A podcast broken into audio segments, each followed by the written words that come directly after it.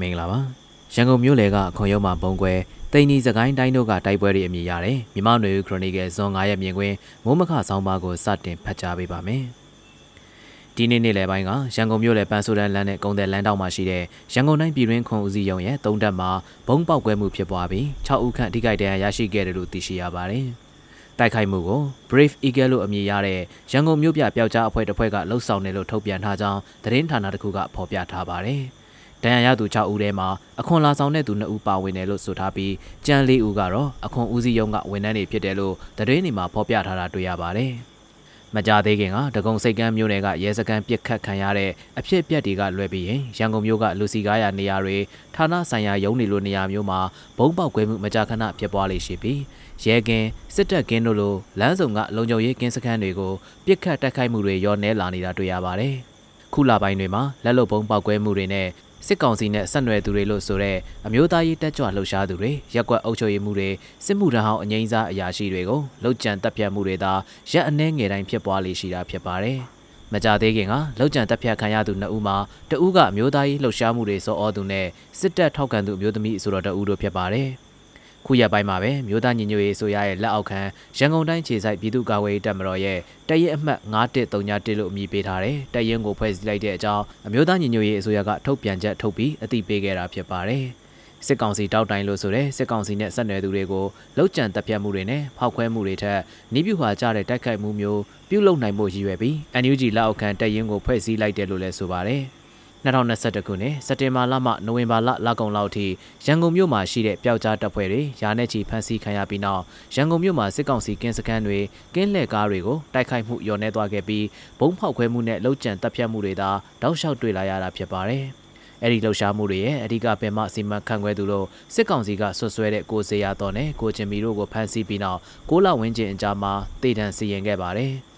ဒီနေ့သတင်းနေတဲ့လက်နက်ကင်တိုက်ပွဲတွေအနေနဲ့ဆိုရင်ရှမ်းမြောက်ဒေသတိန်တီမြို့နယ်တွေကအထူးဒေသ1မှာကိုကန်တပ်ဖွဲ့လို့လူအများသိကြတဲ့ MNDAA ရဲ့စခန်းနေရာအချို့ကိုစစ်ကောင်စီတပ်တွေကထိုးစစ်ဆင်နေတဲ့သတင်းတွေထွက်ပေါ်လာခဲ့ပါတယ်။တရုတ်နိုင်ငံကကမကထလုပ်တယ်လို့ယူဆထားကြတဲ့မြောက်ပိုင်းညီနောင်မဟာမိတ်သုံးဘွဲ့နဲ့စစ်ကောင်စီငြိမ်းချမ်းရေးဖော်ဆောင်မှုကော်မတီတွေ့ဆုံဆွေးနွေးမှုရက်ဆိုင်သွားပြီးနောက်တရက်မှာတိုက်ခိုက်မှုတွေဖြစ်ပွားလာတာဖြစ်ပါတယ်။ ကိုကန့်တပ်ဖွဲ့အနေနဲ့စစ်အာဏာမသိမ်းမီကရောစစ်အာဏာသိမ်းပြီးနောက်မှာပါစစ်တပ်နဲ့မကြာခဏတိုက်ပွဲတွေဖြစ်ပွားလေရှိပြီးစစ်အာဏာသိမ်းပြီးနောက်မှာတော့ပုံမှုများပြားလာတာတွေ့ရပါတယ်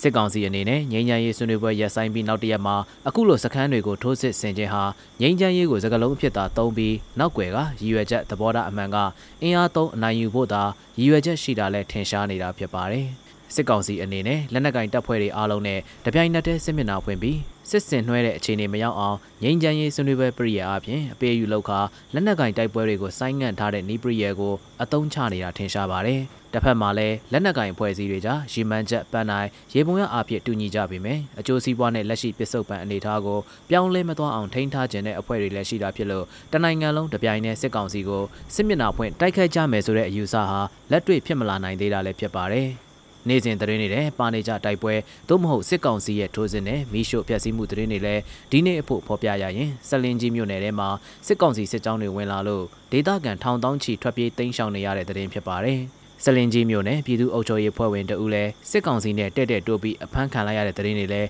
ဖော်ပြထားကြတာတွေ့ရပါတယ်။စကိုင်းတိုင်းကနောက်သတင်းတစ်ပုဒ်ကတော့စကိုင်းတိုင်းကလေးမြို့တောင်ပိုင်းမှာရှိတဲ့ရှုကင်းသာရွာမှာရက်ရွာလူကြီးတွေစီဝေးလုပ်နေတဲ့နေရာကိုစစ်ကောင်စီကလေကြောင်းနဲ့တိုက်ခိုက်ခဲ့လို့တဦးသေဆုံးပြီးအချို့ဒဏ်ရာရရှိသွားတယ်လို့သတင်းတွေမှာဖော်ပြထားကြပါတယ်။စစ်ကောင်စီရဲ့အုပ်ချုပ်ရေးမရှိတဲ့ကလေးမြို့နယ်တွေကဒီရှုကင်းသာကျေးရွာစာတင်ကျောင်းမှာရက်ရွာလူကြီးတွေစီဝေးလုပ်နေစဉ်လေကြောင်းကရဟတ်ရင်နဲ့ပြစ်ခတ်တိုက်ခိုက်ခဲ့တာလို့သတင်းတွေကဆိုထားကြပါတယ်။လက်နက်ကင်ခုခံမှုရှိနေတဲ့ဒေသတွေနဲ့ပဋိပက္ခပြင်းထန်နေတဲ့ဒေသတွေမှာစာတင်ကျောင်းတွေကိုစစ်ရေးအရနေရာယူကြတာမျိုးအုပ်ချုပ်ရေးအတွက်နေရာကိုအသုံးချတာမျိုးတွေရှိသလိုစစ်ကောင်စီဘက်ကလေကြောင်းတိုက်ခိုက်တဲ့အခါစာတင်ကျောင်းမို့လို့တိုက်ခိုက်ခြင်းမပြုတာမျိုးမရှိဘဲစာတင်ကျောင်းတွေကိုပြစ်မှတ်အနေနဲ့ပြစ်ခတ်တိုက်ခိုက်ခဲ့တဲ့တာရကတွေအများအပြားရှိခဲ့တာတွေ့ရပါတယ်။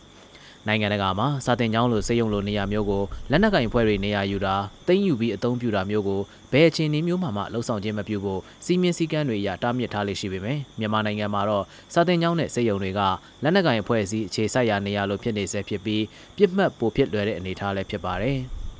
စကိုင်းတိုင်းနဲ့ထည့်သွင်းထားပေမဲ့ချင်းပြည်နယ်ဝင်ပေါက်မြို့ဖြစ်တဲ့ကလေးမြို့နဲ့မကွေးတိုင်းကကံကောမြို့နယ်တွင်းကခြေရွာတွေဟာစစ်အာဏာသိမ်းပြီးနောက်အစောဆုံးစစ်ကောင်စီတပ်တွေကိုရင်ဆိုင်တိုက်ခိုက်ခဲ့တဲ့ဒေသတွေဖြစ်ပြီးခုချိန်ထိစစ်ကောင်စီဘက်ကပြန်လည်ထိန်းချုပ်နိုင်ခြင်းမရှိသေးတဲ့ဒေသတွေဖြစ်ပါတယ်။ဒီရက်ပိုင်းမှာစကိုင်းတိုင်းမန္တလေးမုံရွာကားလမ်းမပေါ်ကချောင်းဦးမြို့နယ်တွေကလာဝကရုံအနီးစစ်ကောင်စီစစ်စေးရေးဂိတ်ကို PDF တွေတိုက်ခိုက်မှုဖြစ်ပွားပြီးစစ်ကောင်စီတပ်တွေတိတ်ဆုံးမှုရှိနေတယ်လို့သတင်းတွေမှာဖော်ပြထားကြပါတယ်။ ဆီယနာသိမ်းပြီးနောက်မြန်မာနိုင်ငံရဲ့လက်နက်ကင်တိုက်ပွဲတွေအများဆုံးဖြစ်ပွားရာနဲ့ရွာလုံးကျွတ်နေစရာနေရာမရှိအောင်မိရှုဖျက်ဆီးတာနဲ့တကြိမ်နဲ့မလောင်ကျွမ်းနိုင်ခဲ့ရင်နောက်တစ်ကြိမ်ဝင်ကဝင်ရောက်ထပ်မံမိရှုဖျက်ဆီးခံရတဲ့မြို့တွေရွာတွေလို့ဆိုလိုက်ရင်စကိုင်းတိုင်းနဲ့မကွေးတိုင်းကနေရာချို့ပဲဖြစ်ပါတော့တယ်ခင်ဗျာ။